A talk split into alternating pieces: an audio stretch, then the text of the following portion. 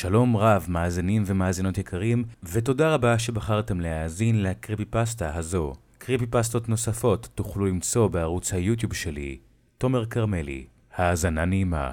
זה היה עוד לילה קריר. הרגשתי את הרוח הקרירה חודרת את החליפה שלי ברגע שיצאתי מאולם התיאטרון המפורסם. איזשהו סרט חדש בשם הקרמה בדרך, חבר. אך, איזה סרטים מטופשים. זו הייתה עוד פרמיירה נוצצת עם שטיח אדום וכל השיט הזה. אתם יודעים, כרגיל. בתור דוגמן ידוע בציבור, אני כבר רגיל לקבל הזמנות לכל ההשקות האלה, שבתכלס לא מעניינות כמו האנשים שמגיעים אליהם. כל המטרה של אותם אירועים היא בסוף שהכתבים יקבלו איזשהו משפט עסיסי, שיוכלו להקליד אותו באתרי הרכילויות שלהם, ושצלמי הפפרצי ישיגו את הזווית הטובה ביותר, וימכרו אותה לאתר שישלם הכי הרבה כסף עבור תמונות של אותם ידוענים. בכל מקרה, כמו בכל סוף פרמיירה, הכנתי את עצמי נפשית, אל הדרך מהיציאה של דלתות האולם, אל הרכב הפרטי שמחכה לי במדרכה. הנהג הטיפש שלי, רודריגו, שוב שכח לחנות בכניסה האחורית, וחנה ממש מול היציאה. המרחק אומנם לא ארוך ומדובר בכמה מטרים פשוטים, אבל המדרכה הייתה מלאה משני צדדיה בכתבים וצלמי פפרצי. כבר התרגלתי לזה. עמדתי ביציאה מהאולם, ואז הרגשתי את ידי מתעטפת על ידי ידו של שון, בן הזוג שלי. הוא תמיד אהב ללכת איתי יד ביד ולהוות לי תמיכה נפשית מכל השאלות הפולשניות והפלאשים הבלתי נסבלים. ירדנו במורד המדרגות אל כיוון הרכב שכבר היה מותנע ורק חיכה לנו שניכנס. מיד שמעתי משני צדדיי את כל הכתבים קוראים בשמי הכי חזק שיש כדי להשיג ממני תגובה או משפט. אדם, אדם, איך היה הסרט? מה המותג שאתה לובש הערב? מה שלומכם? אדם, אדם, מתי אתם מתחתנים בקרוב? מה הקמפיין הבא שלך? אף פעם לא הבנתי מה הקטע של הכתבים האלה. כאילו, מה זה נותן לכם? אבל יותר גרועים מאלה היו צלמי הפפרצי. בזמן שאני מביט אל עבר ריבית הדלת האחורית של הרכב, מספר הבזקים ומצלמות מסנוורים את דרכנו, ואני נאלץ להרים את ידי כדי לא להתעוור מהפלאשים. זה תמיד אותם שבעה או שמונה צלמים קבועים, אני כבר מכיר אותם אישית בשלב הזה. מחכים לי בכל אירוע, לעתים גם במקומות תמימים כמו בסניף הקפה שמתחת לבית שלי, או במסלול ריצת הבוקר שלי. זה בהחלט מעצבן, אבל זה לא קורה כל כך הרבה. אחרי ששרדנו את הכתבים והפלאשים, שון פתח לי את דלת המכונית ופשוט נמלטנו פנימה, וסגרנו את הדלת. רודריגו, מה לעזאזל? אמרתי לו בעצבים. אמרתי לך בפעם האלף שאני לא סובל שאתה לא חונה מאחור. שון צחקק ואז מיד השתתק במחילה. רודריגו השפיל מבט, ולא אמר כלום. פעם הבאה תעשה מה שאני אומר לך, אידיוט. צעקתי ובעטתי קלות בכיסא שלו. הבטתי בשון שניסה להרגיע אותי ולהסיח את תשומת ליבי. נראה לי שהייתה לי חתיכת פופקורן תקועה בשן, הוא אמר. תראה לי. הוא פתח את הפה. אה, הנה, אתה רואה? ממש בצד שמאל. אה, כן, כן, אני רואה. אוי. אוח. שון נאנח. אה, רגע, שנייה. שון לקח את האצבע שלו וחילץ את חתיכת הפופקורן התקועה. הנה, יותר טוב. יופי, חייכתי. עכשיו בואו נקווה שלא תפסו את זה בעדשה. תכף נראה באתרים אם צדקת, הוא אמר. תנו לי לספר לכם סוד על מפורסמים. כולנו תמיד קוראים מה שכותבים עלינו ברשת. בין אם אנחנו מראים את זה, או בין אם לא, זה פשוט משהו שאי אפשר להתעלם ממנו. כנ"ל גם לגבי תמונות. כל פעם אחרי אירוע, אני ושון תמיד פותחים אתרי חדשות כדי לראות איך המצלמות תפסו אותנו. האם התמונה מחמיאה או לא, ובעיקר, מה אנשים כותבים עליה. פעם אחת לדוגמה, בריצת בוקר ביום גשום, רצתי, ובגלל המדרכה הרטובה, החלקתי ומעדתי על גברת מבוגרת. ואיזה צלם אקראי אחד שהיה במקום, ניצל את ההזדמנות ולחץ על המצלמה. התגובות היו נוראיות. גולשים כתבו שעשיתי זאת בכוונה ושפגעתי באישה המבוגרת. שבכלל רגע אחרי הפגיעה היא הייתה בסדר גמור ואפילו התנצלתי בפניה. אבל האינטרנט, כפי שלמדתי, נשאר לנצח. בכל מקרה, הנהג שלי הוריד אותנו מול הבית שלנו. בזמן ששון נכנס הביתה, ניגשתי לרודריגו הנהג שלנו ודרשתי ממנו בפעם הבאה לחכות לי בצד השני של הקולנוע, כדי לא להתעכב בצלמים. דיברנו על זה כבר, רודריגו, אמרתי לו בזעם. כמה מטומטם אתה יכול להיות? צעקתי עליו. אני לא בן אדם שצועק לרוב, אבל הנהג הזה לא מבין בכל פעם מה שאני מנסה להסביר לו. כבר שלוש שנים שאני תקוע איתו עם הנהג הפרטי שלי, והוא אף פעם לא קולט מה שאני מבקש ממנו. לכן לפעמים אני מרשה לעצמי להתפרץ עליו. אמרתי לו מתי הוא יבוא לאסוף אותי מחר, טרקתי עליו את הדלת והוא נסע לדרכו מבלי להגיד כלום. הוא תמיד היה שקט כזה. בזמן הזה שון כבר היה בתוך הבית. אחרי שהרכב נסע, נשארתי כמה דקות בחוץ כדי להירגע ולנשום את אוויר הלילה. התחלתי ללכת על המדשאה בכניסה לבית, כאשר לפתע שמעתי את זה. הצליל המוכר של הבזק מצלמה. הסתובבתי לאחור, אבל לא ראיתי שום דבר. הנחתי שזה היה רק בראש שלי בגלל מתקפת הפפרצי שהייתה מקודם. אבל אז שמעתי את זה שוב. הפעם נעצרתי. סובבתי את ראשי באיטיות ובחנתי את הרחוב המת והשקט. שום דבר. היי, hey, מי שזה לא יהיה, תדאג בקרדיט שלך לכתוב מר משועמם. צעקתי לאוויר בתקווה שאותו צלם משועמם שערב לי מתחת לבית שלי כל הערב, ישמע. התקדמתי במהירות וחרדה אל עבר הדלת וכשסגרתי אותו מבפנים, פלטתי הנחת רווחה. הכל בסדר? שון שאל והגיש לי כוס יין. אוח, אה, כן, סתם הפפרצי האלה נהיים משועממים יותר ויותר. מאוחר יותר נרגעתי ואני ושון ישבנו בסלון עם כוס יין כשעברנו בין האתרים השונים לראות את התמונות שלנו. הא, אמרתי לך! הוא אמר והצביע על תמונה של שנינו מהערב. הפפרצי תפס בדיוק את הרגע שבו הוא פתח את הפה ואת חתיכת הפופקורן שהייתה תקועה לו שם. טוב שון, מקווה שתלמד פעם הבאה לוודא שהפה שלך ריק לפני שאנחנו יוצאים על הצלמים. צחקתי, והוא נתן לי דחיפה קטנה וגיחך גם. המשכנו לגולל, עברנו מאתר לאתר עד שהגענו לטוויטר, שבניגוד לכל אתרי הרכילויות האחרים, שם לא חסים עלינו בתמונות מביכות שמעלים לשם. שם לכל אחד יש את האפשרות להעלות כל תמונה, מביכה ככל שתהיה. גוללתי לבדי בין התמונות מאותו הערב, עד שנתקלתי בתמונה אחת. תמונה בה רואים אותי, מחוץ לבית שלי. אני לובש בה את אותה החליפה שאני לובש עכשיו. עומד ומסתכל אל הרחוב. נראה שהתמונה צולמה מנקודה לא רחוקה מדי, מה שהופך את זה למוזר כי כשחיפשתי את הצלם, לא היה שם אף אחד. תחת התמונה היה גם כיתוב. שון בדיוק היה בשירותים, ולא רציתי שיהיה מודאג. בעיקר ממה שהיה כתוב לצד התמונה. קוקו, אדם, אני תמיד צופה בך. ואימוג'י מוזר של עיניים קריפיות. מיד נכנסתי למשתמש שהעלה את התמונה לטוויטר. השם שלו היה Always Watching You 666, ולא הייתה לו תמונת פרופיל או תיאור. וחוץ מהתמונה הקריפית שלי מחוץ לבית שלי היום בערב, שער הקיר שלו היה ריק. תראו, אני רגיל לאנשים מוזרים. כבר נתקלתי בעבר בסטוקרים מוזרים. אבל התמונה הזו, בשעה מאוחרת בלילה יחד עם השם ה creepy הזה, עורר בי אי נוחות. החלטתי שלא לשתף את שון וסגרתי את הלפטופ. אחרי כמה כוסות יין, נרדמנו על הספה בסלון. עד סביבות השעה שלוש בבוקר. כשקמתי חצי מת והערתי את שון כדי שנעבור למיטה, כל הבית שלנו היה חשוך למעט הסלון. קמתי על הרגליים ונדנדתי בקלות את שון שפולט כמה מילים תוך כדי שינה. לא שמעתי מה הוא אומר בגלל שהטלוויזיה שלנו נשארה דלוקה על ווליום גבוה. כיביתי את הטלוויזיה ועזרתי לשון המנומנם להגיע למיטה, ושם נרדמנו. בבוקר של המחרת החלטתי לוותר על הריצה היומית. לא ישנתי טוב בלילה ובעיקר לא הרגשתי כזה נוח. בעיקר אחרי אותה תקרית מוזרה. הנהג שלי, רודריגו, אסף אותי אל עבר העיר, שם היו לי כמה פגישות היום. בזמן הנסיעה קיבלתי לפתע הודעה מקני, הסוכן שלי. הוא כתב לי, היי hey, אדם, הסתובבתי בטוויטר כשמצאתי את התמונה הזו. אני לא יודע אם זה אמיתי או לא, אבל זה די מטריד. תכתוב לי אם אתה צריך עזרה. בסוף ההודעה היה לינק, עם אצבע רועדת. לחצתי במהירות על הלינק. זה הוביל אותי לטוויטר. שם נפתחה לי תמונה.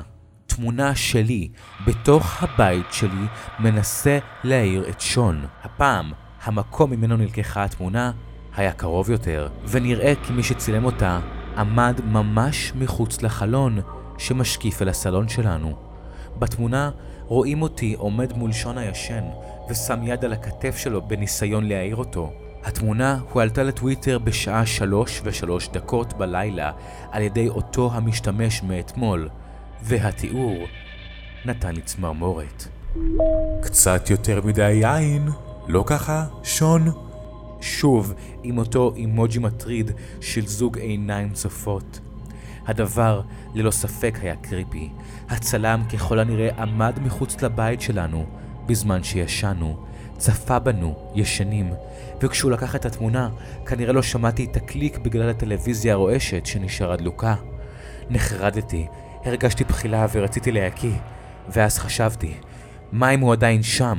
מיד התקשרתי לשון, הוא לקח יום חופש באותו היום, לכן הוא היה אמור להיות בתוך הבית. הקו צלצל במשך שניות ארוכות, עד שלפתע הוא ענה. אה, הלו? היי שון. היי מותק. אה, הכל בסדר איתך? הוא נשמע מודאג. הו, אה, כן, כן. פשוט רציתי לשמוע את הקול שלך. ניסיתי להסתיר את הסיבה האמיתית ממנה דאגתי. לא רציתי להלחיץ אותו. אה, מה אתה עושה? סתם נראה לי שאני אראה איזשהו סרט, אולי אחר כך אעשה אמבטיה, ואז נכין לנו פסטה שמנת לקראת הערב. הוא אמר. או, תהנה לך באמבטיה. ופסטה שמנת נשמע מצוין. רק עם פרמיז'ן כמו שאני אוהב, נכון? שאלתי. ברור. לא שכחתי שאתה פריק של פרמיז'ן. עם פרמיז'ן כמו שאתה אוהב. הוא אמר. אוי יופי. טוב ממי, רק תעשה לי טובה ותנעל את הדלת של הבית. אמרתי. הוא אמר. הוא לא שאל למה. אנחנו כבר רגילים להשאיר את הדלת נעולה בגלל שאני אדם מפורסם. לא פעם קרה שהמעריצים שלי חיכו לי מול הדלת. מאוחר יותר, יצאתי מהפגישה הראשונה וחיכיתי לרודריגו ששוב איחר. במזל, צלמים לא תפסו אותי מחכה, ואחרי כמה דקות הוא הגיע. רודריגו, אתה קולט שגרמת לי לחכות חמש דקות בחוץ? יכלו לתקוף אותי בזמן הזה. הוא לא ענה, כרגיל. תתחיל להפעיל את המוח שלך, אמרתי לו, ומיד עברתי לטלפון. פתחתי את החשבון המטריד שמעלה תמונות שלי, והחלטתי לדווח עליו לטוויטר. בתור מפורסם לא יכולתי להגיב על התמונות, או להראות שאני מתייחס ברצינות לזה, אבל הדבר כן היה רציני. הגשתי דיווח בו פירטתי שהתמונות האלה פוגעות בפרטיות של הידוען, שזה בעצם אני, ושאני מבקש למחוק את החשבון הזה. Oh, זהו, הם בטוח ימחקו את העמוד הזה, אמרתי לעצמי. מיד אחרי ששלחתי את הדיווח, הגענו לפגישה השנייה שלי. הכנסתי את הטלפון לכיס על מצב שקט ונכנסתי לחדר הפגישות. אחרי שעתיים ארוכות, כבר התחיל להכשיר בחוץ. יצאתי מהפגישה מבלי להסתכל בפלאפון. כי מחוץ לבניין בו קיימתי את הפגישה, חיכו לי שני צלמי פפרצי וכתב אחד. התעלמתי מהם באלגנטיות בעודי פוסע אל הרכב. אדם, אדם! הכתב קרא. האם יש לך תגובה על התמונה של בן הזוג שלך? מיד נאנחתי והנחתי שהוא מדבר על חתיכת הפופקורן בפה של שון מאמש שכיכבה בכל אתרי הרכילויות. אה, תראה חבר, לכולנו נתקעים דברים בשיניים לפעמים. לא, אני מדבר על התמונה החדשה שממש בדקות האחרונות רצה ברשת, של שון באמבטיה. קפאתי במקום. מה? על... על איזה תמונה אתה מדבר? שאלתי אותו. חשבון טוויטר אחד פרסם תמונה של מי שנראה כמו שון הריס, בן הזוג שלך, יושב עירום באמבטיה בבית שלכם כאשר הוא נראה מאוים על ידי הצלם. האם יש לך תגובה לכך? הכל בסדר ביניכם? האם אתה כועס עליו? יש לכם בעיות בזוגיות? בהיתי בו בהלם מוחלט. מיד הסתובבתי חזרה, נכנסתי למכונית וטרקתי את הדלת. רודריגו, קח אותי מהר הביתה! אמרתי לו בזעם. מיד הוצאתי את הפלאפון. עשרות התראות מחברים שונים ששואלים אותי מה שלום שון, ואם התמונה הזו אמיתית. כולם שלחו לי הודעה. כולם, חוץ משון. נכנסתי לחשבון הטוויטר ההוא, והנה היא הייתה שם. הועלתה לפני 24 דקות. תמונה של חדר האמבטיה שלנו. שון יושב בתוך האמבטיה. פניו מופנות אל עבר המצלמה, והפעם התמונה נלקחה מתוך הבית. נראה שהצלם עמד בתוך המסדרון, מול חדר האמבטיה ושון הבחין בו. הפנים שלו היו נראות מפוחדות כמו שהכתב תיאר. הוא היה מופתע ומפוחד מאותו פסיכופת. ומעל התיאור של התמונה נכתב לא היית צריך לדווח עליי, עכשיו שון ישלם את המחיר. ובסיום, אותו אימוג'י קריפי של עיניים. מיד התקשרתי לשון. אבל הוא לא ענה. ניסיתי שוב, ושוב, רודריגו נסע הכי מהר שיכל, אבל הדרך הייתה ארוכה. הוא שאל אותי אם הכל בסדר, אבל מתוך העצבים אמרתי לו שיישאר בשקט ושיתמקד בנהיגה. הייתי מזועזע. אף אחד לא ידע על כך ששון באמבטיה, חוץ ממני וממנו. כי דיברנו על זה כשהייתי באוטו. נכנסתי לאתרים. התמונה התפשטה יותר מהר מאש בשדה קוצים ברשתות השונות. כותרות הזויות מלאות ספקולציות נכתבו לצד התמונה של שון באמבטיה. כותרות כמו הבעל המתעלל, האם אדם מכה את בן זוגו, או מערכת יחסים במשבר, למה שון נראה מפוחד מבן זוגו. הכתבות צוטטו את התיאור שאותו צלם פסיכופת נתן, על כך ששון ישלם את המחיר. ושיערו שאני מתכוון להרוג אותו או משהו כזה. זה מה שתמיד זעזע אותי בתקשורת. המהירות בה אנשים קובעים דברים מבלי להכיר את הסיפור המלא. הם לא יודעים שלא אני צילמתי את התמונה, הם לא יודעים שאני ושון במצב מצוין, והם לא יודעים שיש סטוקר פסיכופת שמאיים עליי ועליו. אחרי אלף ואחת שיחות כושלות על שון, הגענו הביתה. קפצתי מהרכב בעוד רודריגו מאט מול הבניין שלנו. ניסיתי לפתוח את הדלת, אבל היא הייתה נעולה. איכשהו, הצלם הפסיכופת הזה נכנס מבלי לעבור דרך הדלת הנעולה. או שאולי היה לו מפתח. אבל לא היה לי זמן לחשוב על זה. הכנסתי את המפתח למנעול הדלת ונכנסתי לבית. רצתי לחדר האמבטיה. פחדתי למצוא שם את הגרוע מכל, או יותר נורא, שום דבר. אבל כשהגעתי לחדר האמבטיה, שון לא היה שם. אבל האמבטיה אכן הייתה מלאה במים. שון! קראתי בקולי קולות. סרקתי את כל הבית, אבל אף אחד לא היה שם. אחרי חיפושים רבים ואין סוף שיחות טלפון, הבנתי שהוא לא נמצא כאן. לא הוא, ולא הצלם הפסיכופת. לא הבנתי איפה הוא יכול להיות. התקשרתי למשטרה וקראתי להם שיבואו לבית שלי. ישבתי בסלון בייאוש, בזמן שחיכיתי לשוטרים. ולפתע, שמתי לב לזה. מהמטבח היה ריח טוב. על הקיריים היה סיר של פסטה ושמנת שכבר התקררה. שון בוודאי הכין אותה לפני שנכנסת לאמבטיה. אוי, איזה מקסים הוא. התקרבתי למטבח ושמתי לב למשהו שלא שמתי לב אליו כשנכנסתי לבית. כל רצפת המטבח הייתה מלאה בפרמיז'ן שנפל מקופסת פרמיז'ן מגורד שנפלה מהשיש. עמדתי מול הקופסה במשך כמה דקות בלי לזוז, בניסיון להבין איך היא נפלה, והאם זה יכול להוות רמז למה שקרה לשון. ואז, לפתע, קיבלתי הודעה. ההתראה הייתה מטוויטר על תמונה חדשה שתויגתי בה. פתחתי את האפליקציה, והייתה שם תמונה שהועלתה על ידי אותו המשתמש, Always Watching You 666. היא הועלתה לפני 32 שניות. בתמונה ראו אותי. עומד במטבח ומסתכל על הפרמיז'ן שעל הרצפה. הפעם היא צולמה מבעד לחלון המטבח שלנו.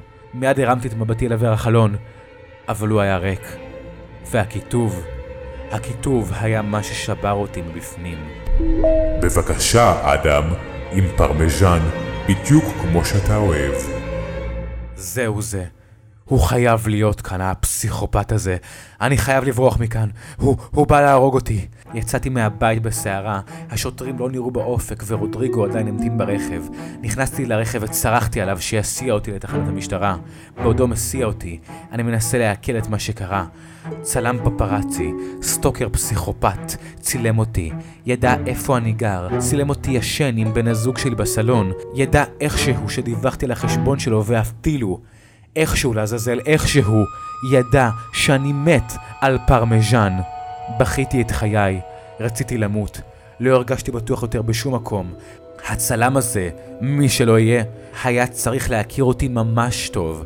טוב כמו המפיק שלי, או, או כמו הסוכן שלי, או אפילו כמו הנהג שלי. הבטתי ברודריגו.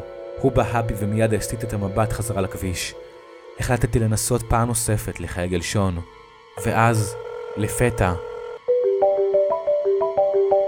שמעתי צלצול של טלפון, ולא סתם טלפון, זה היה הטלפון של שון. זה היה נשמע שהוא נמצא בתוך הרכב, אבל לא הבנתי בדיוק מאיפה כי הצלצול היה מעומעם. ואז הסתובבתי לאחור לכיוון תא המטען, והבנתי ששם הטלפון נמצא. מיד הרמתי את הכיסוי מאחוריי, וראיתי אותו, את שון, שוכב בבגאז', עירום, עם צוואר שבור ומלא דקירות, חסר כל רוח חיים. שון! שון! קראתי לו, אבל לפתע המכונית נבלמה בפתאומיות. הסתובבתי במהירות לכיוון רודריגו, הוא עצר בצד הכביש, והסתכל עליי דרך המראה. ואז הבנתי את זה.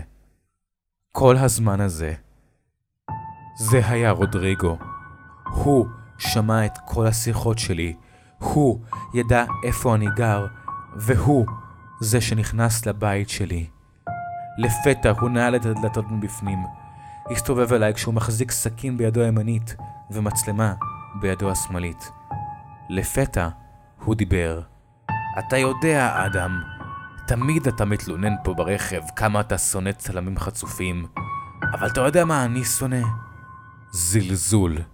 זלזול וחוסר מתן כבוד בסיסי לבני אדם. זלזול כזה כמו שאתה נתת לי במשך כל השנים האלה. רוד, רודריגו, בבקשה, התחננתי. לפתע הוא הניח את המצלמה ושלף את הטלפון שלו. תן לי רק לכתוב את התיאור שאצטרף לתמונה של הגופה שלך. הוא הקליט בפלאפון בזמן שהוא מכוון עליי את הסכין, ואמר בקול, תהיו נחמדים לאנשים אחרים, לא כמו אדם, שעכשיו שילם את המחיר. ואז, לפתע, הוא קופץ עליי, דוקר אותי בחזה פעם אחרי פעם אחרי פעם אחרי פעם, ובעודי נושם את נשמותיי האחרונות, הדבר האחרון שאני שומע זה הרעש. הרעש הכה נוראי ההוא, שאני כל כך שונא. הרעש של המצלמה.